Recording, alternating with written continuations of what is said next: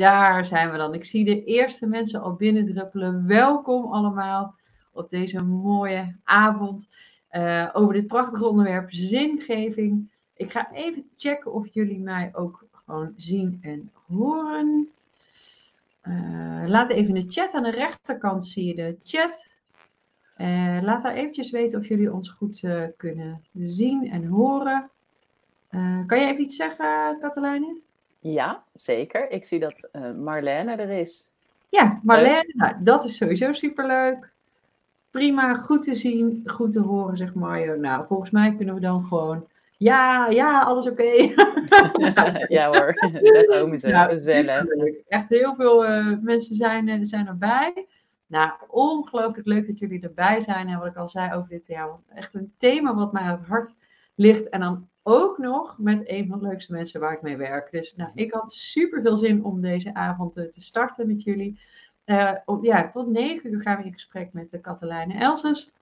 Nou, ik, ja, misschien kennen jullie haar al. Ik heb uh, samen met haar uh, het Eet Beter voor je maag en darmen geschreven. En natuurlijk het, uh, het levensstijlboek van huisarts Tamara de Weijer. Dus daar hebben we samengewerkt. Maar wij hebben al een langere historie, hè Katelijne. Ja. daar ga je zo wat meer over, over vertellen. Uh, ja, wat meer over jou. Wat, wat kan ik zeggen? Ja, je bent journalist, je bent schrijver, onder andere bijvoorbeeld voor de Flow, voor de Happiness. We schrijven samen in de Santé. Um, je geeft les aan de, uh, uh, op de hogeschool. je coacht ook andere schrijvers. Dus nou, echt een, een. Je bent volgens mij Neerlandicus van, van origine, geloof ik ergens. Hè? dus ja, enorm veelzijdig. Echt super fijne, fijn mensen. Wat ik echt fantastisch vind aan jou is dat jij hele complexe dingen in heel begrijpelijke taal uit kan leggen. Dus ik kijk enorm uit naar vanavond. Ik geef je zo meteen het woord even nog wat huishoudelijke mededelingen. Mocht die nou vastlopen qua beeld of qua geluid, dan ligt het vaak aan de verbinding. Bovenin zit, als het goed is, bij jullie een knop opnieuw verbinden. Vaak als je die één, soms twee keer indrukt, zeg maar, dan is het eigenlijk al opgelost. Is het dan niet opgelost, zet het even in de chat. Uh, dus uh, Marloes, mijn collega, en ik zitten in de chat en wij houden alles in, uh, in de gaten. Um, na afloop krijgt iedereen de opnames gewoon toegestuurd. Dus mocht je iets eerder weg moeten, dan is dat geen probleem. Maar je krijgt alles gewoon toegestuurd. Um, nou ja, en dan rest mij niks anders dan jullie uh, heel veel plezier te wensen met het verhaal van uh. Zal ik hem maar aanzetten, de presentatie? Ja, je mag meteen de presentatie aanzetten. Ik vertel zo wat over ons. Um, maar ik vertel eerst even wat we wat mij betreft uh, gaan doen het komende uurtje. Um, we beginnen met een uitleg van het begrip zingeving, omdat dat uh, toch nog wel wat abstract is. En ik vertel een paar weetjes over het belang van zingeving tips heb ik sowieso beloofd. Een makkelijke tips, toegankelijke tips om wat meer zin in je leven te voelen en te krijgen. En jullie gaan hopelijk wat oefeningen doen. En het is handig als je alvast pen en papier pakt. Uh, het hoeft niks bijzonders te zijn. We gaan gewoon wat lijstjes maken en een klein tekeningetje. En tot slot zullen Tamara en ik vragen beantwoorden. Um, Tamara weet erg veel van het onderwerp ik heb er natuurlijk voor mijn boekje ook onderzoek uh, naar gedaan. Um, en we kijken bij wie de welke vraag het beste landt uiteindelijk. Um, zoals gezegd, ik zal wat uh, vertellen over uh, Tamara en, en mij. wij hebben elkaar, denk ik, vijf jaar geleden voor het eerst gesproken. Toen moest ik haar interviewen voor Plus Magazine. En we hadden meteen een klik op het onderwerp leefstijl. Um, Tamara was net begonnen om dat als huisarts op de kaart te zetten. En ik was er uh, persoonlijk ook mee bezig, omdat ik de ziekte van Crohn heb of had. Want ik heb er eigenlijk heel weinig last meer van. Uh, mede doordat ik zoveel aan mijn leefstijl heb veranderd. En Tamara en ik hadden een uh, dermate klik dat ik meteen haar heb geïnterviewd voor mijn boekje over slaap. Ik dacht, die moet ik hebben, die kan alles zo duidelijk en helder uitleggen. En uh, van het een kwam het ander. We zijn uh, uiteindelijk een leefstijlboek gaan schrijven. En in dat leefstijlboek kwam het onderwerp zingeving aan de orde. En ik vond zingeving altijd een beetje abstract en uh, vaag. Misschien ook wel een beetje zwaar leek me dat. En dat hoofdstuk was op zich helemaal duidelijk, maar ik zei: Tamara, zit hier niet meer in? Zal ik een boekje schrijven met hele praktische, lichte tips hoe je dat in de praktijk brengt? Nog meer dan we al in het leefstijlboek hebben gedaan. En dat vond Tamara een leuk idee. Dus ben ik weer Tamara gaan interviewen. Maar ze vertelt iedere keer gelukkig iets anders voor het boekje uh, over zingeving. En het is dit boekje geworden. Van dit boek krijg je nog meer zin in het leven. En uh, het leuke is dat, nou ja, dat was natuurlijk helemaal niet leuk, maar we zaten midden in de lockdown en we moesten op anderhalve meter afstand blijven. Dus wat je hier op de foto ziet, is dat wij heel fancy met een telefoontje en een anderhalf, nou ja, het was wel drie meter lang snoer, zit uh, Tamara en ik aan elkaar vast en hebben wij een wandelinterview gehouden, geheel corona-proof. Zoals gezegd, eerst even over dat uh, onderwerp en over de definitie van zingeving. Want ik kwam erachter dat nogal veel mensen iets verschillends verstaan onder zingeving. En dat is allemaal helemaal prima. Alleen het is wel leuk om te weten uh, wat wij eronder verstaan. Daar kom ik zo op. In het uh, woordenboek vind je het volgende. Ik kijk even op mijn uh, spiekbriefje. Zingeving is het zoeken naar zin, de bedoeling of het doel van het leven, of trachten dit doel zelf te scheppen. Het hoeft in principe helemaal niks met religie te maken te hebben. Het wordt vaak met elkaar in verband gebracht, maar uh, dat hoeft helemaal niet. En in mijn boekje heb ik juist bekeken wat is er naast religie allemaal nog meer mogelijk. Wat hebben mensen hierover te zeggen, uh, deskundigen, die juist niet in die religieuze hoek zitten. En uh, het leuke is dat Tamara het van mij eigenlijk meteen heel inzichtelijk maakte. Uh, zij past het ook vaak in haar praktijk toe, het onderwerp. En zij zei: Het is heel simpel. Als je het antwoord weet op de vraag: waar kom jij s'morgens je bed voor uit? Dan weet je wat jouw zingeving is. En wat ik ook leuk vond aan Tamara, en jullie kennen Tamara, ze zei: het gaat om plezier en betekenis. Dus dat onderdeel betekenis snappen we vaak wel, maar het gaat ook om plezier hebben. En zij formuleerde dat in twee uh, vragen die je jezelf kan stellen. Wat geeft mij zin in het leven? Wat geeft mij levenslust? Wat geeft mij plezier? Waardoor sta ik meteen naast mijn bed? En wat geeft mij mijn leven zin? En dat zit dan wat meer op die betekenis en dat doel. En wat ik ook leuk vond, was dat het CBS zei: uh, we gaan dat ook onderzoeken, want het is een uh, actueel onderwerp. En het CBS had ook een uh, mooie definitie. Kijk weer even op mijn spiekbriefje. Um, wat maakt het leven voor jou de moeite waard? Want um, het leven kan af en toe een beetje gedoe zijn, om het maar eens uh, uh, als een understatement te brengen. En wat maakt het dan toch allemaal de moeite waard voor jou? Wat weetjes over zingeving? 33% van de volwassen Nederlanders is meer op zoek naar zin sinds de coronacrisis, sinds het uitbreken van de pandemie. En ik denk dat dat voor Mag veel ik mensen... onderbreken, Katelijne? Ja. ja. Barbara vraagt, hoor ik nou een wekker? En dan weet ik dat je... ik hoor hem niet. Nee. Ik kan, ik kan, het me wel voorstellen. Ja, dat hij tikt op de achtergrond. Dat hij tikt op de achtergrond. Kan je hem af laten gaan als, dat, ik de, dat ik de tijd voor jou... Uh, ja. Ik. Want de mensen met zo'n scherpe oren, die hebben het dus... Precies. Misofonie. Even kijken, als ik hem... Als ik hem dichtklap. Barbara, hoor je hem nu nog steeds? ik vond het wel ontzettend scherp. Ik wist niet ja. dat je moest, dus had ik het nooit geweten. ik hoor niet van niks. Barbara, hè, als je nog iets hoort, laat het me weten. Katelijne, ga door met je verhaal. Ja, ja het is een, inderdaad een prachtig wekkertje met nogal een luide tik. Um, 33% van de volwassenen is dus meer op zoek naar zin sinds het uitbreken van de pandemie. En zoals gezegd, of wat ik wou gaan vertellen, is dat is ook wel logisch, want we werden natuurlijk allemaal behoorlijk teruggeworpen op onszelf. We gingen met een loop naar ons leven kijken. Waarom zijn we zo hard aan het rennen? Waarom zitten we in de red race? Wat ben ik aan het doen? En vind ik wat ik aan het doen ben eigenlijk belangrijk? Vind ik dat de moeite waard? En ik zelf herken dat ook wel, uh, dat ik tijdens die coronacrisis meer ging nadenken over de zin en de zin van wat ik aan het doen was. Wat ook een mooi weetje is, is een uh, gezondheidsweetje. Dat je als je een gevoel hebt van zingeving, of een gevoel van een ervaring van zin in het leven, dan uh, word je gemiddeld zo'n zes jaar ouder. En dat zal ik even uitleggen. Er is onderzoek gedaan naar de Blue Zones. Blue Zones zijn gebieden uh, in de wereld waar mensen bovengemiddeld oud worden.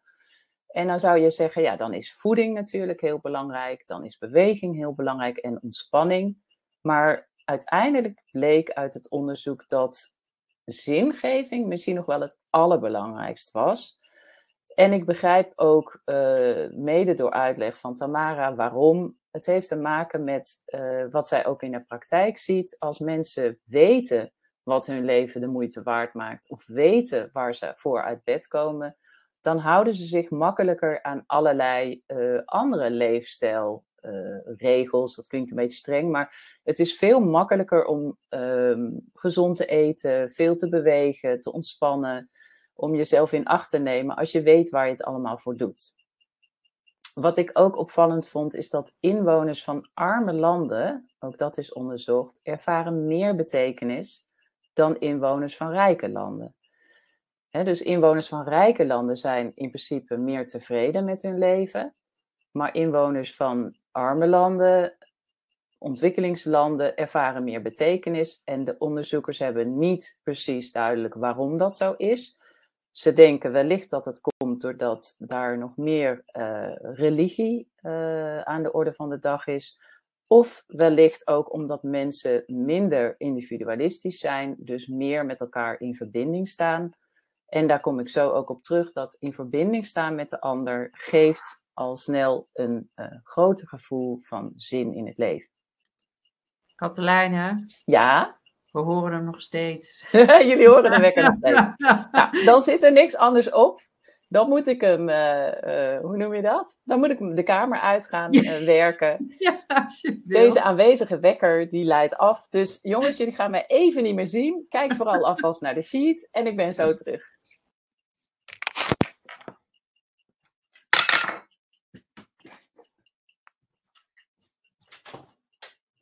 Ja, dat is natuurlijk vervelend met dit soort dingen. Als je het dan eenmaal hoort, kan je het ook bijna niet meer niet horen. Zo werkt het natuurlijk met focus ook. Want ik hoorde hem van tevoren niet totdat Barbara me erop wees. Toen hoorde ik hem ook. En nu...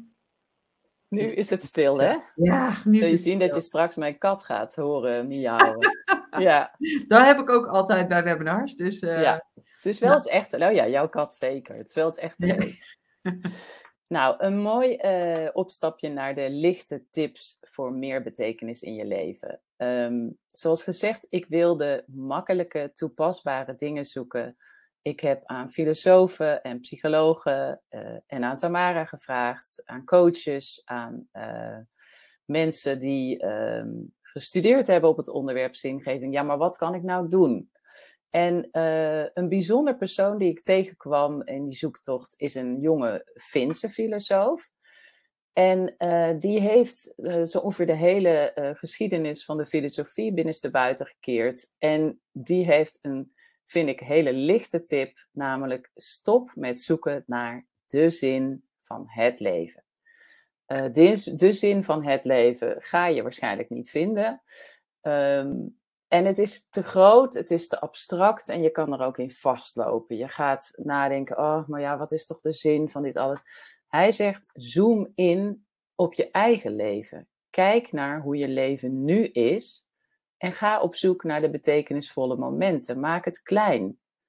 en ik wil even uh, nog een stukje van hem vertellen. Hij zegt: Het belangrijkste is terug naar de basis. Hoe kan ik mijn bestaan als zinvol ervaren. En hij geeft daarbij ook aan, dat is persoonlijk. Wat voor de een zinvol is, is het voor de ander minder en andersom. Je kan zin vinden in het onderhouden van je plantjes. Pardon. En een ander kan zelfs zin vinden in met z'n allen naar een voetbalwedstrijd gaan. Ehm, hij geeft aan dat je dus moet inzoomen op je eigen leven en uh, de betekenisvolle momenten in jouw dag moet gaan leren herkennen, zodat je daar wat meer van kan gaan creëren. En hoe je dat kan doen bijvoorbeeld is door een betekenisdagboekje bij te houden. Uh, veel mensen kennen wel het dankbaarheidsdagboekje, waarin je drie dingen opschrijft waar je dankbaar voor bent aan het einde van de dag. Maar dat kun je ook doen met betekenis. Ik geef even een voorbeeld aan, uit mijn eigen leven, want ik heb ook een tijdje zo'n dagboekje bijgehouden. En mij viel op dat iets heel gewoons als een lekkere, gezonde maaltijd met mijn gezin aan tafel, waarin het gesprek lekker op gang kwam en iedereen vrolijk was, maar ook waarin ik gewoon goed voor iedereen had gekookt, dat dat voor mij zinvol voelde. En wat ik ook als zinvol ervaar, is wel even dat praatje maken met die daklozen. Uh, een ander uh, onderdeel van zinvolheid ervaren kan zitten in dat je die dag iets nieuws hebt geleerd, iets kleins. Hè? Ik kan bijvoorbeeld heel blij worden als ik opeens snap hoe ik een uh, automatisch mailtje aanzet als ik afwezig ben. En hij geeft ook aan, deze filosoof, dat bijvoorbeeld het ontwikkelen van je vaardigheden, Ehm, een heel sterk gevoel van zingeving kan opleveren. En zelf noemt hij ook het wandelen in de Finse bossen, wat hij al zijn hele leven doet. Daarbij ervaart hij een diepe zin. Dus zoals gezegd, het is persoonlijk. En wat dus een leuk experiment is, om zelf een tijdje zo'n dagboekje bij te gaan houden en te kijken, oké, wat valt mij op? Wanneer zijn momenten voor mij zinvol en hoe kan ik die net wat meer creëren in mijn dag? Um, en daar dus concrete stappen voor te zetten. Uh, Frank Martela, de filosoof, die zegt uiteindelijk, hè, na alles gelezen te hebben, komt het neer op het volgende: verbinding met jezelf en verbinding met de ander. En ik denk persoonlijk dat de momenten waarop je dat allebei ervaart, uh, dat die het allermooiste zijn. En um, ik kan dan zelf bijvoorbeeld aangeven dat ik heb ontdekt dat ik tekenen eigenlijk heel leuk vind en heel prettig. En dat is een manier van verbinden met mezelf, want ik kan dan steeds wat beter worden in tekenen of daar uh, wat verschillende technieken toepassen. En als ik dat dan met iemand doe die ik heel erg lief of leuk vind, zoals mijn nichtje, dan voel ik me verbonden met haar in die activiteit. En dat geeft dus een extra zingevend gevoel. Nog meer lichte tips. Ja. Mag ik ondertussen een vraag stellen uit de Zeker. chat? Ja. Ria vraagt, ja, en als je nou nergens zin in hebt en zin in vindt, als je alleen maar je bed uitkomt omdat je weet dat je jezelf niet beter gaat voelen door in bed te blijven liggen. Ja. Ik, ik weet niet of dat iets is van jezelf, Ria, of iemand kent, zeg maar, die dit heeft. Lijkt me ontzettend vervelend om dit zo te voelen, zo te ervaren. Ja. En, en eerlijk gezegd is het voor mij ook wel, ja, wel een beetje herkenbaar af en toe dat je s'morgens denkt van, poef, ik heb eigenlijk nergens zin in. Mhm. En dat is waarom ik ook op zoek ben gegaan uh, naar dingen die je dan wel kan doen. En kijk, it, dit lijkt me best een, uh, een, een, serieuze kwestie. Ik kan natuurlijk niet zeggen, nou, dan doe je even dit en dat en quick fix. Mhm. Maar ik denk dat het een heel goed gevoel is dat je weet dat je in ieder geval niet beter gaat voelen door in bed te blijven liggen. En dat je vaak in de loop van de dag kleine momentjes ontdekt die jou wel zin geven. En dat als je daar wat meer van probeert te creëren, dat je um, uiteindelijk makkelijker de volgende dag uit je bed komt. Dus het is geen quick fix, maar ik merk zelf dat door die kleine dingen te doen en ook door tijd in te plannen voor zowel plezier als betekenis, dat ik er toch weer uitstap, steeds, uit dat bed. Dus ik hoop dat we gaan er dadelijk oefeningen in doen, hè? Dus hoe... Uh, ja. Zijn nou eerst, ja, niet eh, per se over hoe je uit je bed komt, maar wel over hoe je meer zin, ja, zin ervaart. Ja. En uh, Tamara, straks zal ik ook vertellen uh, hoe jij natuurlijk altijd het onderscheid tussen moeten en willen aanbrengt. En soms is het feit dat je echt alleen maar zin hebt om in je bed te liggen ook wel een kwestie dat je eigenlijk heel veel van jezelf moet. Ja. En dat je weer een tijdje pauze mag nemen om wat meer te willen. Ja, mooi. Ja. Ehm, toevallig kom ik volgens mij ook op uh, dat onderwerp, omdat um, jij, uh, Tamara, aan mij vroeg, ook in het interview, um, of in ieder geval uitlegde, als mensen in de praktijk zeggen van ja, ik weet het allemaal niet meer, dat je dan aangeeft van oké, wat vond je leuk om te doen toen je klein was, hè, een jaar of acht, en waar kom je nu niet meer aan toe? En het lijkt zo'n simpele vraag, maar hij is helemaal niet simpel. Want wat vonden we leuk toen we vroeger acht waren? En waar komen we nu niet meer aan toe? Of waar maken we geen ruimte meer voor, omdat we de hele dag aan het moeten zijn? Wat willen we eigenlijk? Wat vonden we leuk? En in die uh, vroege jeugd kan een sleutel zitten. En toen jij het aan mij vroeg, Tamara, kwam ik op mijn oorbellotheek, waar ik vroeger zelf oorbelletjes maakte en die uitleende aan mensen in de buurt. Dus dan heb je weer die verbinding. Uh, of een moestuintje onderhouden. Dat is bijvoorbeeld ook iets wat in die Blue Zones vaak eh, tot uiting komt. Of in een koor zingen. Ga terug naar die tijd en schrijf het eens op. En hoe kun je er tijd voor maken? En dan zit je meer op dat onderdeel plezier. Maar dat maakt wel dat je, als je dat van jezelf mag gaan doen die dag, al is het maar een half uurtje in de avond, dat je makkelijker uit je bed komt. En dat je waarschijnlijk ook makkelijker er voor anderen bent en weer meer betekenis in je leven voelt. Doordat je gewoon lekkerder in je vel zit. Wat ik ook een hele interessante methode vind, is de je leven in één herinnering methode. Ik heb een workshop gevolgd voor dit boekje bij Jackie van der Goor. En zij is uh, gepromoveerd op zingeving. Zij is uh, coach en leiderschapstrainer. En um, zij heeft ooit een film gezien waarin mensen die overleden in een soort tussenruimte kwamen. En dan mochten ze één herinnering uit hun leven kiezen die ze meenamen naar het volgende leven. En die film heet Afterlife, mag je in principe weer vergeten, het is Japans. Maar de vraag Welke herinnering uit je huidige leven zou jij meenemen naar het hiernamaals? Die kan jou brengen bij wat voor jou betekenis heeft, wat jouw kern is, wat jouw kernwaarden zijn. En nu moet je eigenlijk niet gaan uh, denken, ja, maar ik, uh, ik moet natuurlijk mijn, allebei mijn kinderen meenemen in die herinnering. En oh ja, en mijn moeder en mijn partner en mijn hond. Want het is zo zielig als ik uh, één herinnering meeneem waarin, bij wijze van spreken, één van mijn baby's werd geboren. Het is dus iets wat je met je hart kiest.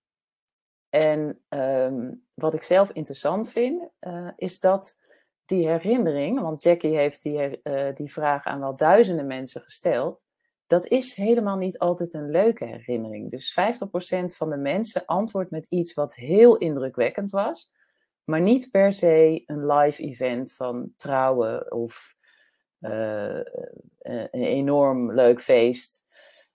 En zelf vond ik dat ook interessant, want ik kwam op een herinnering met mijn zus, die uh, niet zo lang geleden is overleden, waarbij ik op het dakterras zat en met haar een, een, boekje vulde. En dat boekje heette Mam Vertel eens. En wij schreven voor haar kinderen alvast een aantal dingen over haar leven op. En dan kun je zeggen, oké, die herinnering neem je mee. Hè? Dat is natuurlijk een fantasie, want we gaan niet met één herinnering naar het hiernamaals. Maar wat zegt dat dan over betekenis? Wat jouw betekenis geeft? En voor mij was dat op een gegeven moment heel duidelijk. Dat was natuurlijk van betekenis zijn voor iemand die het moeilijk heeft, zoals mijn zus. Maar ook dat overbrengen van iets naar een nieuwe generatie, zoals haar kinderen. En bij mij heeft het bijvoorbeeld teweeg gebracht dat ik ook mentor ben gaan uh, worden op de hogeschool. En misschien zijn er mensen die nu ook al denken: oh, welke herinnering zou ik meenemen? Het is een hele mooie oefening.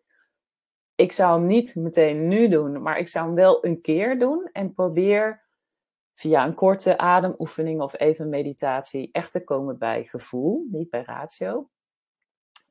Of doe het met anderen. Maar ik kan ook zeker aanraden om die workshop te doen, je leven in één herinnering. Omdat je heel mooi gecoacht wordt in wat wil deze herinnering mij zeggen.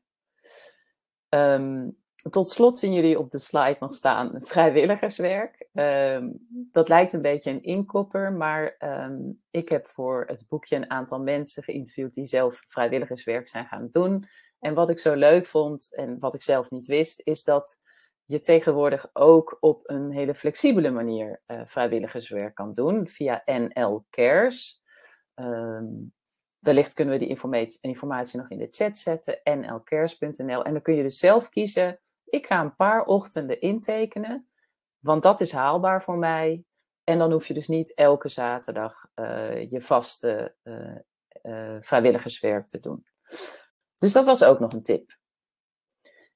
Ja, maak het praktisch. Maak het behapbaar. Maak het tot iets wat je morgen kan doen. Iets waar je zin van krijgt in je leven of iets waardoor je voelt dat je leven zin heeft. En het kan eigenlijk niet te klein zijn. Uh, een psycholoog, Bjarne Timone, die zegt: Het is zo simpel als veeg je stoepje. Ik zou in principe door willen gaan met een paar oefeningen, maar ik kan me ook voorstellen dat er nu al wat vragen zijn. Um, Tamara, kan jij nog zeggen of er iets is wat ik op dit moment kan beantwoorden of wat jij op dit moment kan beantwoorden? Uh, nou, het is wel leuk dat je zegt dat ik, ja, ik zit natuurlijk zelf, je bent aan het praten, dan, dan ga je toch natuurlijk ook zelf nadenken. En wat ik uh, echt sinds dit jaar pas heb, ik heb dat eigenlijk nooit in deze mate eerder gehad, is dat ik uh, heel blij word dus van planten. Dus ik werd al heel blij van dieren. Maar ja, hè, uh, je moet er lachen hoor. Dus echt, ik ben dus helemaal, ik kan er dus helemaal op, in mezelf in verliezen. Een beetje in die moestuin te kneuteren. En nu ben ik dus weer aan het voorzaaien. Dus ik ben kleine plantjes aan het opkweken. en dan kan ik dus helemaal, kan ik helemaal op, op ingaan, in opgaan. En dan kan ik dus ook tegen mijn man zeggen: Oh, schatje, kijk nou eens, kijk nou eens. Ze komen boven alsof het soort kleine kindjes zijn. Maar ik had dat nooit zo, die, die uh, relatie met zingeving had ik nooit zo gelegd. Ja. Maar ik vind het heel zinvol. Hè? ja, ik maak echt ook gewoon weer nieuwe bloemen, nieuwe planten. Echt ook eetbare dingen. We hebben er de hele uh, lente en zomer hebben we ervan gegeten. Uh, en ik word er dus ontzettend blij van. En ik heb in het voorjaar krijg ik ook een eigen volkstuin. Ja, dat, oh, daar kijk ik nu dus al echt ongelooflijk naar, naar uit. Maar uh, nee, dus superleuk. Je zet mij ook elke keer weer aan het, uh, aan het denken. ja, ik denk ook echt dat jij de combinatie hebt gevonden van iets waar je heel blij van wordt. Hè? Dus mm dan van kijk, er groeit een tomaatje aan mijn plant. Maar toch ook iets wat, omdat het, ja, het klinkt misschien een beetje raar, maar planten zijn toch ook levende wezens. En je voegt wel iets toe.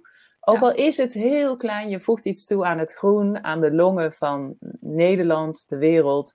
En de bijen. ja, ik dacht altijd, voor dit boekje dacht ik altijd, ja, maar de zin van het leven, weet je wel, dat kan toch niet zijn voor je plantjes zorgen. Ja. Maar ja dat, zijn je, dat zijn je betekenisvolle momenten. Zo eenvoudig is het eigenlijk. Ja, ja. ja, nee, zeker. Echt ook het zorgen, zeg maar, van voor, voor een dier of voor een plant, zeg maar, is echt net zo betekenisvol als ja. voor Ja, ik herken het heel erg. Ja. ja. Ik zie uh, Roelie die zegt een dag, uh, een keer een dag niks hoeven zijn, kan toch ook heel prettig zijn. Ja, zeker. We hadden vorige week herfstvakantie. Nou, ik kan je vertellen, uh, die meiden zijn twee dagen naar bodycamp geweest, mijn man was vrij.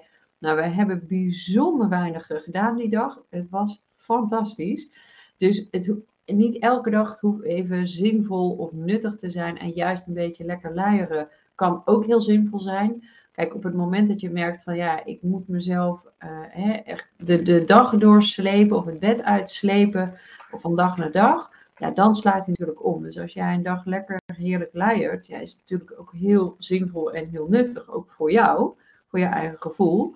Um, maar als dat niet meer zo voor je voelt, dan uh, uh, nou ja, is het de moeite waard om daar eens naar uh, te kijken. Ehm, even kijken, Annette zegt nog, in je leven verandert er veel, ook lichamelijk en geestelijk. Zeker, hè? ook qua nou ja, ik denk live events, gebeurtenissen, hormonen, noem het allemaal gewoon maar op.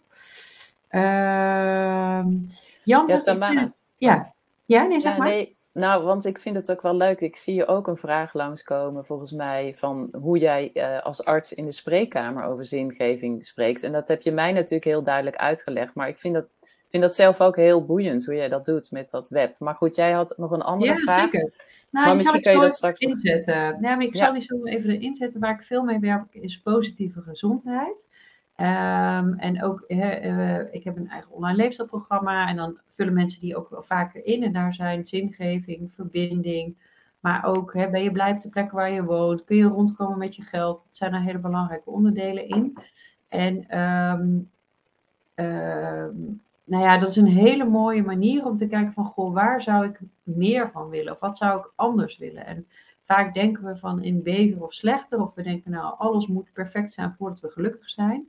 Maar dat werkt vaak niet zo. En je zei het net zelf ook al heel mooi, Katelijn. De stap kan niet klein genoeg zijn. We willen vaak hele grote stappen. Nou, dus de faalkans is heel erg groot.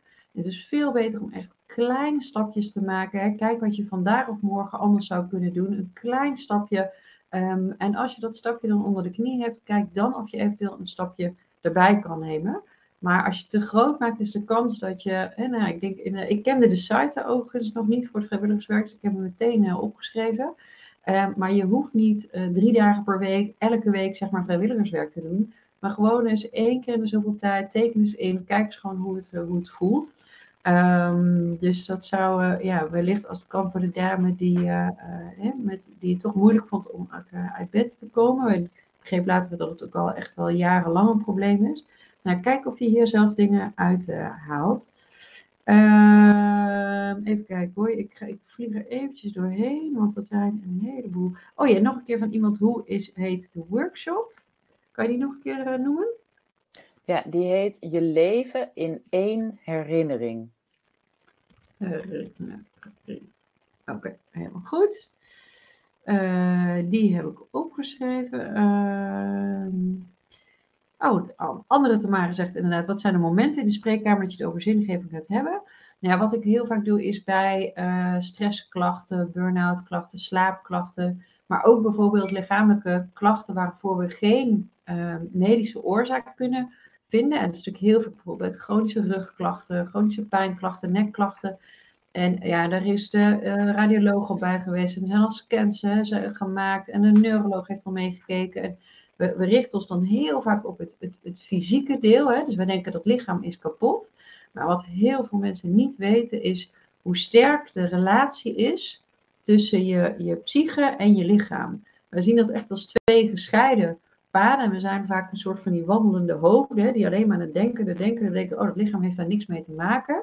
Ehm, maar hoe jij je voelt, ook echt in je hoofd, heb je veel stress, heb je het erg druk, denk je aan jezelf, lukt het om momenten voor jezelf te pakken, heeft enorm veel weerslag op hoe, jij, hoe jouw lichaam voelt. Dus hoeveel pijn jouw lichaam ook of vermoeidheid je lichaam ervaart.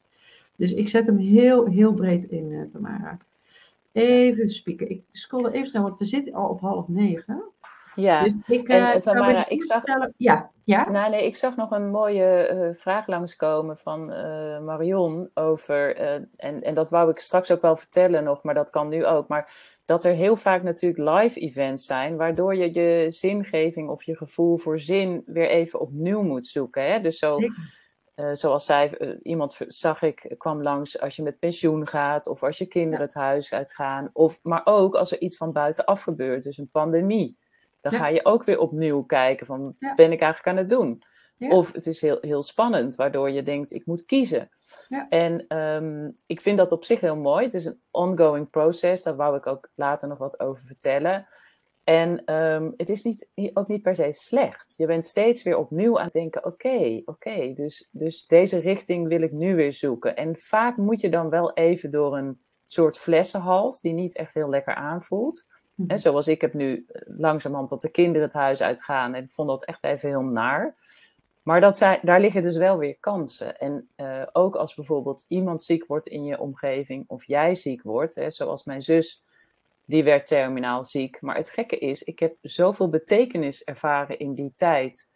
En um, ik vind dat ook mooi uh, dat een van die uh, psychiaters um, die de holocaust heeft overleefd, die zegt ook, ook in zinvol omgaan met lijden of in waardig omgaan met lijden kun je zingeving vinden. En niet voor iedereen, maar ik herken dat op een bepaalde manier. Dat ook als je iets overkomt, dan kun je ook op een bepaalde manier opstellen waar je weer zingeving uit ervaart. Van oké, hmm. ik doe dit, ik ben niet alleen maar Katelijne met die ziekte, ik ben nog zoveel meer.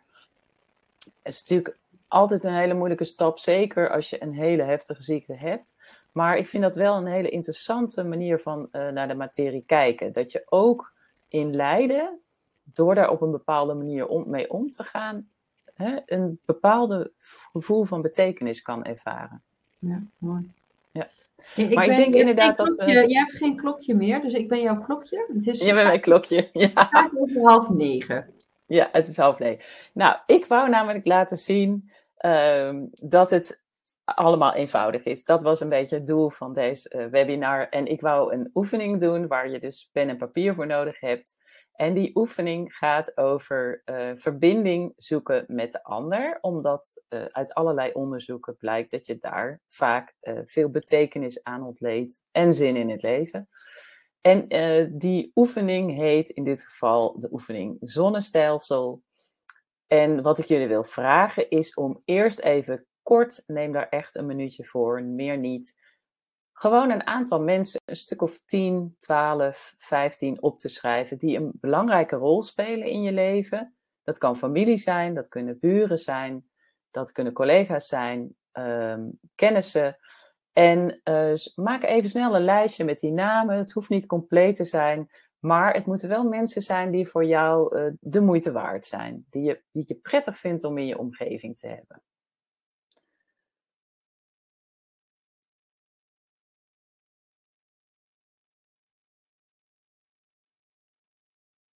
Ja, ik weet natuurlijk niet wat er aan de andere kant gebeurt. Ik hoop dat jullie allemaal driftig aan het schrijven zijn.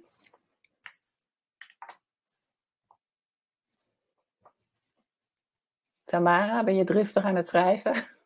Zeker, zeker.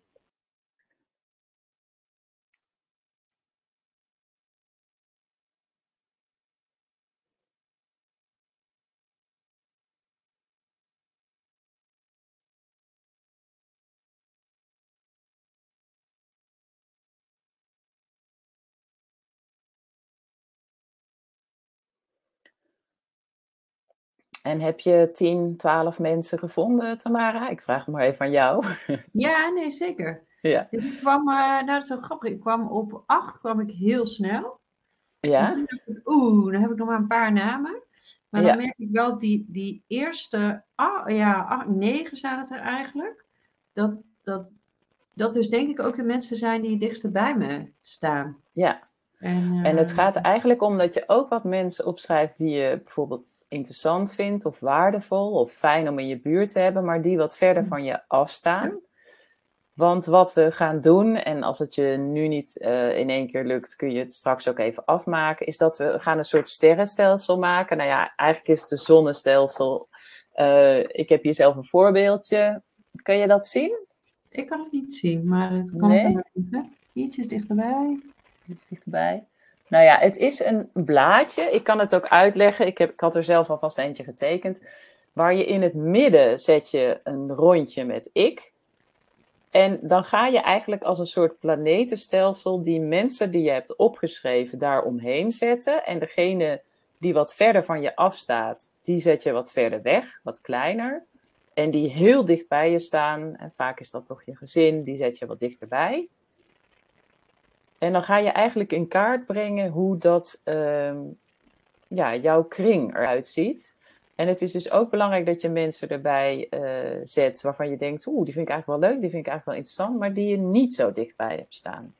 En die zet je dus ook wat verder om dit, uh, wil je dit mensen nu laten doen? Of uh, in het kader van de tijd misschien dat ze dit hierna nog doen? Of hoe heb je dat, uh, hoe zie je dat? Ja, kijk, het, het kan in principe heel snel. En uh, het, uh, je kan het zo hup, hup, hup schetsmatig doen. Maar ik kan ook uitleggen wat eigenlijk het idee is.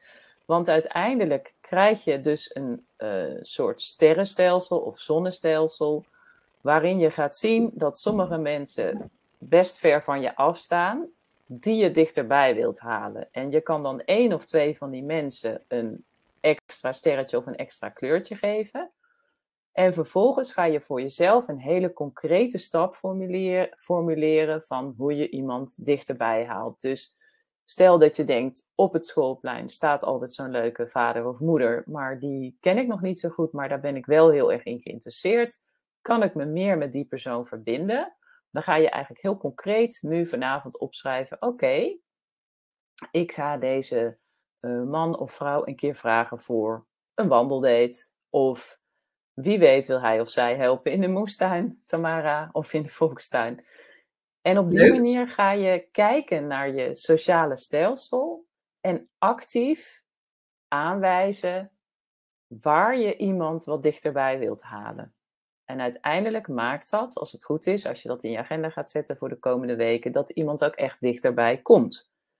want als je natuurlijk niks onderneemt, dan gaat er ook niks gebeuren. Maar Ehm, mijn ervaring is uiteindelijk dat ik inderdaad uh, met twee mensen hier uit de buurt een klein wandelclubje heb opgezet. Omdat ik dacht, die vind ik heel erg leuk, maar we hebben het allemaal druk. Uh, nu wandelen we eens per maand. Lijkt niet zoveel, maar we hebben echt een lijntje met elkaar. En er wordt veel gedeeld tijdens het wandelen, uh, want dat is makkelijker praten. Maar je kan dus ook zeker straks de oefening zelf doen. Hij staat ook in het boekje en ik wil hem je ook met liefde uh, opsturen. Mijn e-mailadres is heel makkelijk te vinden online. Ik heb gewoon een site, Katelijne L6. Kan ik ook zo even aan je sturen als het nu niet helemaal duidelijk was. Maar het is in ieder geval een leuke uh, manier om heel beeldend te maken. Wie zijn de mensen om me heen en wie wil ik graag een beetje dichter in mijn kring hebben. Een andere korte oefening en ik beloof dat die echt kort is, is um, terugdenken aan je afgelopen week en drie momentjes opschrijven dat je de tijd vergat. Dat je in een flow zat. Denk dat bij Tamara de plantjes weer naar boven gaan komen. En bij mij bijvoorbeeld het tekenen. Wat zei je, Tamara? Ik zei zeker. Zeker, ja.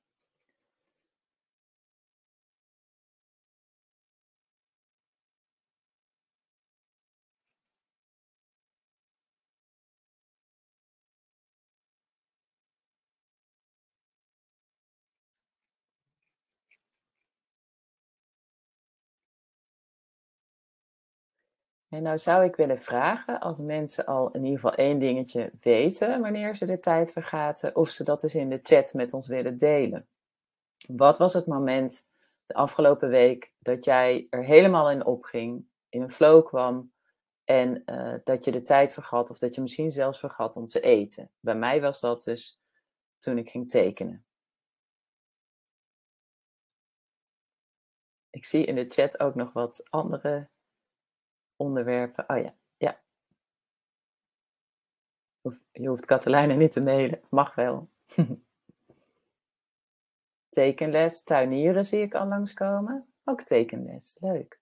Als ik naar een opera luister, ook een heel mooi voorbeeld, omdat dat een ervaring is. En een ervaring kan zeker zingevend zijn. Super interessant boek lezen. Ja, ik ben blij dat het zo volloopt in de chat, want jullie hebben dus allemaal dingetjes waarbij je ervaart, ik vergeet de tijd. ja, we hebben vanwege de privacy hebben we alles uh, uitgezet. Dus, uh, Aha, moet ik wat dingen voorlezen? Ja, ja, ja. ik ja. zelf ook al een uh, uitgenodigd worden voor een spontaan etentje. De F Formule 1, ook altijd heerlijk. Heerlijk. Oppassen op mijn kleinkind, schaatsen met vrienden tijdens Zumba toen ik een boek las. Edelsmeden, leuk. Oh, yoga, uh, zwemles voor mijn dochtertje. Met mijn dochter bezig zijn het huis opnieuw in te richten. Nieuwe kitten, ook heerlijk. Lezen, muziek luisteren, boek lezen, ja. mozaïeken. Heel mooi. Ik vind het ook echt leuk dat iedereen lijkt iets te noemen. En wat nu eigenlijk de uh, concrete oefening is, is dat je dus voor de komende week ergens in je agenda gaat zetten dat je dit nog één of twee keer gaat doen. Mm. Um, want ja, je kan er een beetje laatdunkend over doen, maar dit soort plezierige activiteiten waarbij je de tijd vergeet en je vergeet te eten, maken dat je weer terugkomt in de toestand van ontspanning en maken dat je ook makkelijker gaat zien uh, wat het leven voor jou de moeite waard maakt. Dus het is, plezier is net zo belangrijk als betekenis. Je hoeft niet allemaal meteen uh, Moeder Teresa te worden of Martin Luther King om zingeving te ervaren. Dat kan in die hele kleine, hele fijne momentjes. En plan er één of twee in. Maak die afspraak met jezelf. Het is wel belangrijk. Het is echt heel belangrijk. Sauna bezoek, ja, ook herkenbaar. Ja, zie hier Lia, Voor de tijd. dat vind ik dan heel leuk. Plantjestik heb ik ook een beetje verslaafd hieraan. Nou, ik ja. ook. En overigens tekenen en schilderen ook. Ja, ik tekenen dan niet zo, maar ik vind schilderen heerlijk. Ik merk dat ik ook een beetje... Um, daar hadden we het laatste over, dat ik een beetje lente-zomer hobby's heb. En dat is dus echt in de tuin. En dan een beetje herfst, winter. En dat is dus meer uh, schilderen, aquarel en uh, acryl. Ja. Dus ik, uh, het ligt allemaal weer, weer klaar. Ja. Oh, heerlijk bloemschikken. Oh, en het is ook soms echt zo dat als je opstaat, uh, je hebt niet zo'n zin in de dag, maar je doet als eerste dat. Uh, hè, ik pak dan inderdaad af en toe, maak ik heel snel een kort een tekeningetje. Of ik ga inderdaad, ik heb geen tuin, ik ga naar de plantjes op het dakterras en ik haal even de dode blaadjes uit. Het geeft licht. En dat was ook wat we zouden geven. Lichte tips voor betekenis. Tamara, ehm, de derde oefening gaat eigenlijk over werk. Daar hebben we tot nu toe nog niet echt over gehad. Um, is niet zo'n lange oefening, maar ik heb het idee dat we qua tijd wel echt aan de limiet zitten en dat we even naar de vragen toe moeten. Ik heb ook nog een laatste slide waar ik nog even een klein beetje uitleg over wil geven. Nou ja, ik vind het uh, moeilijk. Kijk, we hebben nog een kwartier. Dat lijkt kort, maar daar kunnen we ook nog echt veel in bespreken. Kijk, ik vind werk is wel echt iets wat veel mensen bezighoudt. Uh, Letterlijk natuurlijk. Maar uh, ook, ja, ik kom toch in ieder geval in mijn spreekkamer echt wel veel mensen tegen die zichzelf een beetje van dag naar dag, of in ieder geval van weekend naar weekend aan het slepen zijn. En ja, toch niet helemaal happy zijn op hun, uh, op hun werk en eigenlijk wel iets anders zou willen doen. Maar ja, dat is dan toch ook wel vaak een grote stap. En, um, ja. Dus ja, ik zou eigenlijk deze toch wel willen doen als dat oké is voor jou. Nou, kijk, ik heb uh, werk uh, voor een klein deel bestudeerd. Ik heb ook juist heel veel dingen daarnaast uh, bestudeerd. Maar wat ik tegenkwam is een onderzoek naar. Kijk, natuurlijk, het kan zijn dat je in de verkeerde baan zit, absoluut. Maar het bijzondere is dat het soms ook te maken heeft met je blik. En ik kwam een onderzoek tegen waaruit blijkt dat de manier waarop jij zelf je werk omschrijft ook maakt of je je werk wel of niet betekenisvol vindt. En of je je werk wel of niet uh, leuk vindt. En hm. natuurlijk, er zijn altijd kanten aan het werk die je niet bevallen. Maar wat ik zo interessant vind, is een oefening in herformuleren die ze hebben gedaan uh, bij uh, schoonmakers. Dus ze hadden een hele club schoonmakers die in het ziekenhuis werkten. En ze vroegen aan die schoonmakers: wat doe je? En toen uh, was er een groep en die antwoordde, ja, uh, schoonmaken in het ziekenhuis, punt. Maar er was ook een groep die betekenis toevoegde aan uh, de formulering, alleen de formulering van het werk. En daar pak ik weer even mijn speakbrief erbij. Um, want die mensen antwoorden dus, um, mijn werk is alles ontdoen van virussen en bacteriën om te zorgen dat patiënten in een veilige omgeving kunnen herstellen. En puur en alleen het feit dat zij hun werk zo omschreven, maakte dat zij hun werk zinvoller vonden. Wat ook wel logisch is, want schoonmaken in een ziekenhuis is heel feitelijk en neutraal. En bij dat zinnetje van patiënten, hè, voor wie doe ik het? Een veilige omgeving, daar zit emotie in. En het interessante is dat um, ik ook best wel eens denk van, goh, ben ik de hele dag aan het doen? Verhalen schrijven, boeken schrijven. Ik weet niet eens of mensen ze echt lezen of ze er iets mee doen. Maar ook ik ben gaan kijken, oké, als ik dat herformuleer, wat, wat is dan eigenlijk, hè, hoe kan ik mijn werk betekenisvol formuleren. En het gekke is, het verandert toch je perspectief ook op wat je doet. dus ik kwam erachter, oké, ik schrijf boeken en verhalen om mensen inzichten te geven, om hun leven ietsje lichter te maken, al is het maar voor even. En daardoor vond ik toch weer een extra hernieuwde glans uh, in mijn werk. En ik zou jullie willen uitdagen om zelf ook eens op die manier je eigen werk te bekijken. Wat je ook doet, hoe kun je het formuleren met voor wie je het doet, wat die persoon eraan kan hebben, zodat je alleen al door die manier van formuleren je kijk op je werk verandert, los van dat je misschien uiteindelijk toch ander werk nodig hebt of te hard moet werken, daar kan ik niks over zeggen. En interessant is dat ik vandaag ook las dat er in Nederland nu een academie komt Uh, waarin ze onder andere gaan onderzoeken hoe mensen meer zinvol uh, ervaringen in, in, hun werk kunnen hebben. Dus er is ook aandacht voor. Er komt steeds meer aandacht voor. Mensen willen niet alleen maar geld verdienen. Mensen willen het idee hebben: wat ik doe, doet ertoe. Maar begin ook weer heel klein en formuleer je werk eens op die manier. Tamara, is dit helder? Zeker, dankjewel. Okay. Ik zie heel veel vragen inmiddels uh, inderdaad binnenkomen. Ja. Um, wat zullen we doen? Hoe, um, weet nou, kijk, ik had een, ja. een laatste slide. Om uh, nog even te zeggen dat, uh, ja, Kijk, uiteindelijk uh, wou ik natuurlijk het grapje maken van oké, en nu ben ik klaar. En nu heb ik elke dag zin in mijn leven. En nu weet ik precies wat uh, zingeving is. En dat, niemand is ooit klaar. En dat zei ik al eerder, zingeving is een ongoing process. Wat ik geleerd heb, het is veel kleiner dan je dacht. En ja, ik heb meer zin in het leven sinds ik dit hele onderzoek heb gedaan en die mensen heb gesproken. En je ziet mij daar dus ook uh, vrolijk dansend door het groen gaan. Maar natuurlijk zal ook ik elke keer om de zoveel jaar weer opnieuw moeten kijken. Oké, wat geeft mij zin? Wat geeft me plezier? Maar ook wat geeft me betekenis? We hebben als mensen nodig dat we voelen dat we ertoe doen, dat we uh, iets doen wat ertoe doet. We hebben betekenis nodig. En um, ik denk dat ik zeker vaak nog uh, weer in dit onderwerp zal duiken, er met Tamara over zal praten, met vrienden over zal praten. Maar ik vond het in ieder geval heel leuk om er ook kort met jullie over te praten. Dus wat mij betreft, alle ruimte voor vragen, mochten we ze kunnen beantwoorden. Um, en Tamara, jij hebt iets beter zicht op wat er zo alles gevraagd. Ja. Misschien is er iets wat we als een gemeenschappelijke noemer kunnen zien. Ja, zeker. Ik zie veel mensen, zeg maar, die, ja, die kampen toch met veel lichamelijke klachten. En zeggen van ja, daardoor ben ik gewoon best wel beperkt, ook in überhaupt wat ik, uh, wat ik wel of niet kan. Hè. Dus op zich, uh, ja. iemand schrijft je tekenen, schilderen. Ik vind het super leuk, maar dat lukt me vaak gewoon niet goed. Um, wat, wat zou je hen kunnen adviseren? Als het dus wel, als je echt, nou ja, toch wel fysiek best wel beperkt uh, bent, ja. hè, veel klachten ervaart.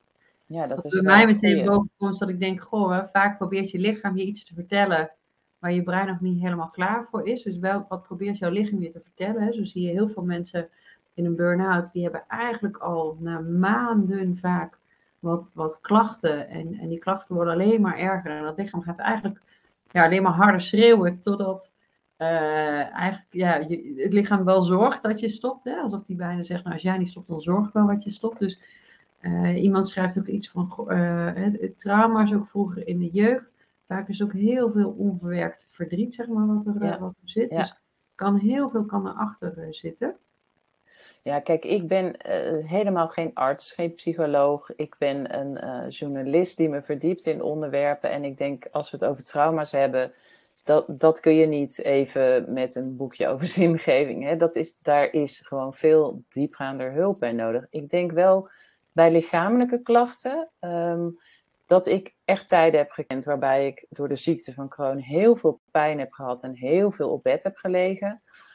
En dat ik wel een beetje van de grond af aan ben, weer ben gaan opbouwen van uh, wat wil ik, wat kan ik, wat vind ik belangrijk en hoe kan ik dat, al is het maar heel klein, toch in mijn leven uh, blijven inbouwen. En um, dat is eigenlijk de enige tip die ik kan geven. Want ik kan natuurlijk niks zeggen over hoe je weer uh, helemaal gezond wordt. Maar ik weet wel, doordat, doordat ik uiteindelijk aan alle radertjes ben gaan draaien, um, dat ik een stuk gezonder ben geworden. En ik ben er niet van af. En het is misschien ook veel minder erg dan wat andere mensen hebben.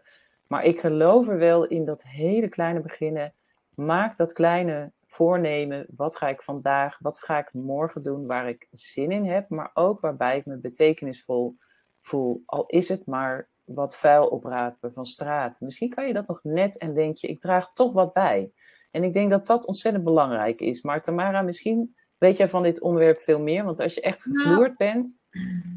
Ja, er zijn twee dingen die in me opkomen. Het ene is uh, alles wat je aandacht geeft, dat groeit. En dat geldt uh, negatief en dat geldt positief natuurlijk. Hè? Dus blijf, ja, als je blijft focussen op wat je niet kan, dan, dan voelt die zwaarte voelt in ieder geval zwaarder. Dus, en als je kijkt van, goh, waar ben ik dankbaar voor? Welke mensen ben ik dankbaar voor? Wat kan ik wel? Waar krijg ik wel energie en plezier van? Dat, dat helpt. Hè? We weten ook dat het dus, wij houden van dankbaarheidsdagboeken, dat, uh, dat helpt. Ehm, en het tweede is, uh, what you resist persists. En uh, dat vind ik zo'n mooie uitspraak. Hij komt volgens mij van Carl Jung, als ik het me goed kan herinneren dus ehm, alles waar je zo'n weerstand tegen hebt, dat blijft bestaan. En Eckhart Tolle die beschrijft het heel mooi met een strandbal. Hoe dieper je die onder water duwt, hoe harder die terug wil veren. En daar hebben we toevallig in de nieuwste Santé, zeg maar, uh, hebben we daar een column over uh, geschreven. Dus het is wel grappig dat die nu ter sprake komt. Um, dus we willen die, gevoel van, die, die gevoelens van verdriet, van pijn, die willen we eigenlijk helemaal niet. Maar om daar naar te kijken en te kijken, hè, want ik zag ook iemand bijvoorbeeld die, die had haar dochter verloren. Ja, dat is natuurlijk echt het verlies van je kind. Ik, ja, ik kan me niet voorstellen wat erger is. Ik ben ook mijn moeder ook, eh, ook verloren. Um, maar het verliezen, en dat vond ik echt afschuwelijk en echt traumatiserend. Dus toen jij dacht, hm, wat neem je mee? Dacht ik ook echt daaraan. Dat is echt wel het meest traumatiserende wat ik in mijn leven heb meegemaakt. Um, maar het verlies van een kind kan ik me alleen maar voorstellen ja, dat, dat, is, dat is wellicht nog veel, veel zwaarder en heftiger. Ehm, dus ja, hoe kom je daar overheen? Ja, het, het is wat het is. En hoe verdrietig ook en hoe graag we het ook anders zouden willen worden, maar weerstand tegen dat het is zoals het is. Hè? Ehm, eh, voor degene die heeft eh, geschreven, je dochter is dood. Zij leeft niet meer. Jij leeft nog wel. Mijn moeder is dood. En Catalijn, jouw zus, is dood. Hadden we het anders gewild, gehoopt, Jazeker, maar het is wat het is. Dus zo, ehm, als het lukt om dat ook echt te accepteren dat het is wat het is. Want we zeggen wel vaak, ja, ik heb het geaccepteerd. En mijn moeder is nu 8,5 jaar dood. Ik heb het denk ik pas een half jaar geleden geaccepteerd. Ik was altijd nog heel boos en heel verdrietig. En ik vond het zo, ja, ik vond het zo gemeen en zo onredelijk. En waarom nou zij? En uh, ik bleef zo hangen echt in die woede. Maar pas toen ik echt accepteerde dat het is ja, zoals het is, merkte ik pas dat die zwaarte minder zwaar werd. En kon ik ook veel meer kijken van, oh jeetje, wat hebben wij echt onwijs veel mooie, fijne, waardevolle momenten samen gehad. En zij heeft een heel groot aandeel gehad in dat ik, dat ik ben wie ik ben nu. mijn moeder was degene waar ik het meeste ooit echt tegenop heb gekeken. Ehm, en ik heb het gevoel dat ze nog steeds ergens bij mij is. En dat geeft een ontzettend fijn, fijn gevoel. Dus Ehm, accepteren dat het is zoals het is. Ehm, en kijken welke mooie herinneringen je daaruit hebt gehaald. Nou, ik hoop dat je daar ook verder wat mee kan. Dus met, uh, ja, ook met lichamelijke klachten, ehm, met grote verliezen. Hè, dat, dat, kan natuurlijk een kind zijn, een moeder, maar ook bijvoorbeeld een baan of uh, nou ja, een huis of wat dan ook. Uh, geld, het maakt eigenlijk niet uit. Maar alles wat in het verleden is gebeurd, dat is zoals het is. Dus we zijn heel erg goed in in het verleden blijven hangen of bang zijn voor wat er in de toekomst mogelijk nog zou kunnen gebeuren. Ehm, maar in het nu blijven en kijken wat je nu kan doen. En wat nu het eerste kleine stapje is wat je wel kan doen. En die focus verleggen. Ik hoop dat je daar, um, nou ja, dat dat wat meer licht in, uh, in je leven brengt.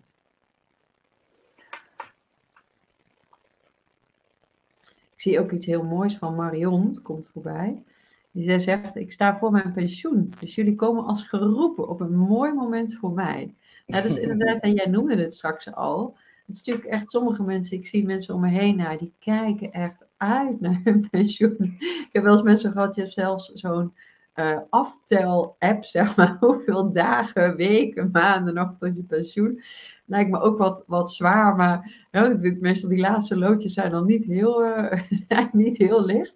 Um, maar het is natuurlijk weer een hele nieuwe levensfase. Van, goh, hoe, wat, wat zou je dan willen doen? En uh, ja, hè, vaak zien we daar ook, als mensen daarin toch betekenis in hun leven blijven toevoegen, dat ze dan veel gelukkiger met pensioen gaan en zijn dan mensen die heel passief worden, eigenlijk niks meer uh, gaan doen. En dat kan in het begin natuurlijk echt heerlijk zijn dat je niet meer vroeg ophoeft en wat dan ook. Ik denk dat dat ook het eerste is wat ik ga doen als ik straks later ooit met pensioen ga.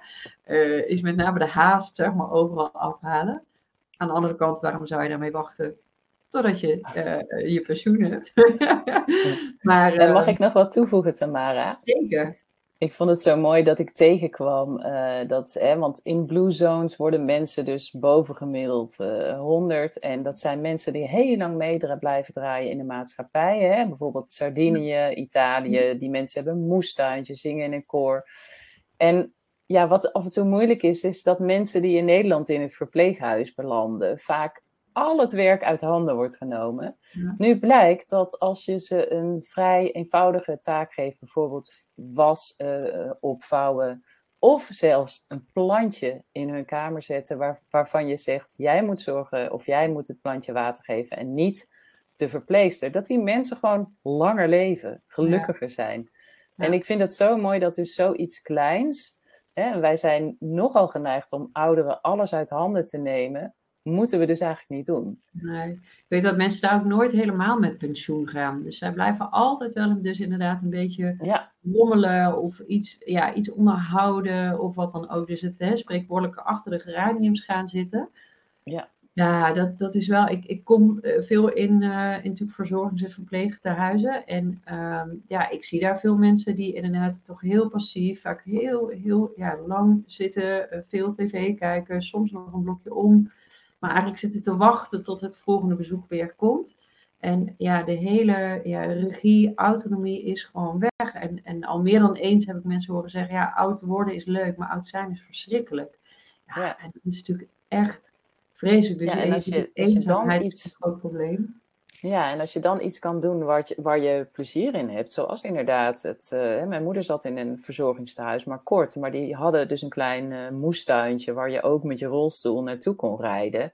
Ja, het, het, het, is zo eenvoudig, maar we moeten er wel wat meer op inzetten, denk ja, ik. Zeker. En het is helemaal belangrijk dat je iets doet waar, waar je dan ook plezier in hebt en niet ja. weer dat moeten. Hè? Dat denk ik ja. ook met dat pensioen willen. Wat voel je? Wat wil je? En daar mag je naar op zoek. Maar daar mag je ook op je 22ste naar op zoek.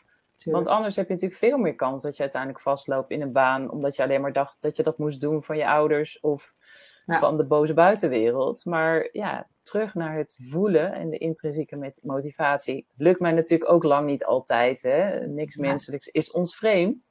Ja, maar ik denk dat dat ook wel mooi is. Hè? Ik zie hier hele leuke dingen nog over. Inderdaad, 88 super vitale uh, moeders, zeg maar. Dat vind ik sowieso echt super leuk. Um, maar het is natuurlijk ook niet hè, die, die prachtige foto van jou huppelend door de weide. Ja. Dat is niet, we spraken elkaar toevallig volgens mij vanochtend of gisterochtend nog. En nou ja, ik zat een beetje, en jij was, er net, jij was er net weer uit. Dus het is ook ja. zo dat wij elke dag, de hele dag, huppelend. Huppelend door het leven, joehoe. Af en toe is het gewoon ja. even. Hè? Ik heb zelf best wel last ook als het weer dan dus zo omslaat. En nou, ik heb weer het gevoel dat ik van alles moet, zeg maar. Ja, dan, dan lukt het mij ook niet altijd goed om, uh, om dus uit, uit dat, dat hoofd, dat blijft maar aan en malen en wat dan ook. En dan merk ik altijd, ga ik wat slechter slapen. En dat is voor mij weer een kompas van, hmm, oké, okay, misschien is het even goed om daarna weer wat anders ja. te willen en wat meer in mijn lijf te gaan in plaats van in mijn hoofd. Lieve, uh, oh ja, ja, oké, okay, sorry, nee, ik wil dan toch ja. uit, ja, met de Jan heeft wel een mooie uitsmijter. Het verschil tussen moeten en willen komt nog in mij boven. Ja, want daar zouden we het nog over hebben. Heel kort, ja, daar, daar, daar zeg ik, heb ik een heleboel over gezegd en geschreven ja, we, zitten allemaal in het moeten, moeten, moeten. We moeten uh, van alles. Uh, we moeten uh, de, hele dag eigenlijk werken. We mogen eigenlijk niet stilzitten. We moeten ook nog een slank figuur hebben. We moeten ook nog heel veel energie hebben. We moeten eigenlijk ook nog bij iedereen langs gaan. De vraag is altijd maar even, ja, van wie moeten we dat? Is het iets wat je van jezelf moet of is het iets wat je wil bereiken? En ik denk dat willen is veel krachtiger dan dat we denken van, nou ja, we moeten allemaal ik zie ook heel veel, een beetje van die Instagram, uh, Facebook levens voorbij komen, zeg maar. Waar alles helemaal, iedereen er elke dag prachtig uitziet. En helemaal mooi gemake-upt. En uh, alles is helemaal leuk de hele dag. En dat is natuurlijk helemaal niet de realiteit. En daarom ga ik wat vaker ook dat was best voor mij een drempel, maar gewoon ook zonder make-up, haar in een knot. Hoppakee, ik ben het hardlopen, jongens. Weet je, dit is wat het is. Ik ben net wakker met een verkreukeld gezicht. Um, omdat dat is gewoon niet de realiteit dat ik elke dag zo gemake-upte en uh, wat dan ook zeg maar er, uh, erbij loopt. Dus ja, laten we ook die, die hele buitenkant dat alles alleen maar leuk en gezellig moet zijn, laten we dat ook alsjeblieft uh, even aan de kant schuiven. Mooie afsluiter. Ik wil jou ongelooflijk bedanken voor, uh, ja, ik had al verwacht dat het een hele leuke avond zou worden, maar ja, heel veel dank voor jouw kennis en nou, de mooie manier op hoe je ons ook allemaal toch weer even aan het denken hebt gezet. Mhm. Ehm, voor iedereen die straks, ja, die, iedereen die zich in heeft geschreven, die krijgt een, een mail waarbij de opnames toch terug zijn te zien. even Marloes, degene die achter de schermen zitten, laat ook eventjes de, uh, ja, de websites die we hier hebben genoemd even een paar dagen inzetten. En ook het, uh, de site en het document van uh, Katelijne. Um, we hebben natuurlijk veel over jouw tweede boek gehad, maar je hebt ook nog een eerste boek natuurlijk zelf geschreven met Deborah. Hè? Van dit boek ga je beter slapen en je wordt er knapper van. Nou, vond ik al een superleuke titel. Ook echt, hè, voor de mensen die slecht slapen, ook echt een aanrader. Um, en voor iedereen die zich in heeft geschreven, ja, als dank ook weer voor jullie aanwezigheid, willen we jullie een 100% geld teruggarantie geven voor het online leefstijlprogramma. Dus daar krijgen jullie ook meer informatie over op de mail. Ik heb me ook al eventjes de site heb ik op, uh, uh, in de chat gezet. Um, nou, zijn we ietsjes over de tijd, vijf minuten. Ontzettend bedankt jullie allemaal dat jullie weer uh, erbij waren. Ik wens jullie een hele fijne, mooie avond. En heel graag tot een volgende keer. Ook daar krijg je ook mail over. Over een aantal weken gaan we het namelijk hebben over het microbioom. Dus wat gebeurt er allemaal in die buik? Dus hou hem in de gaten. Dankjewel allemaal. Fijne avond.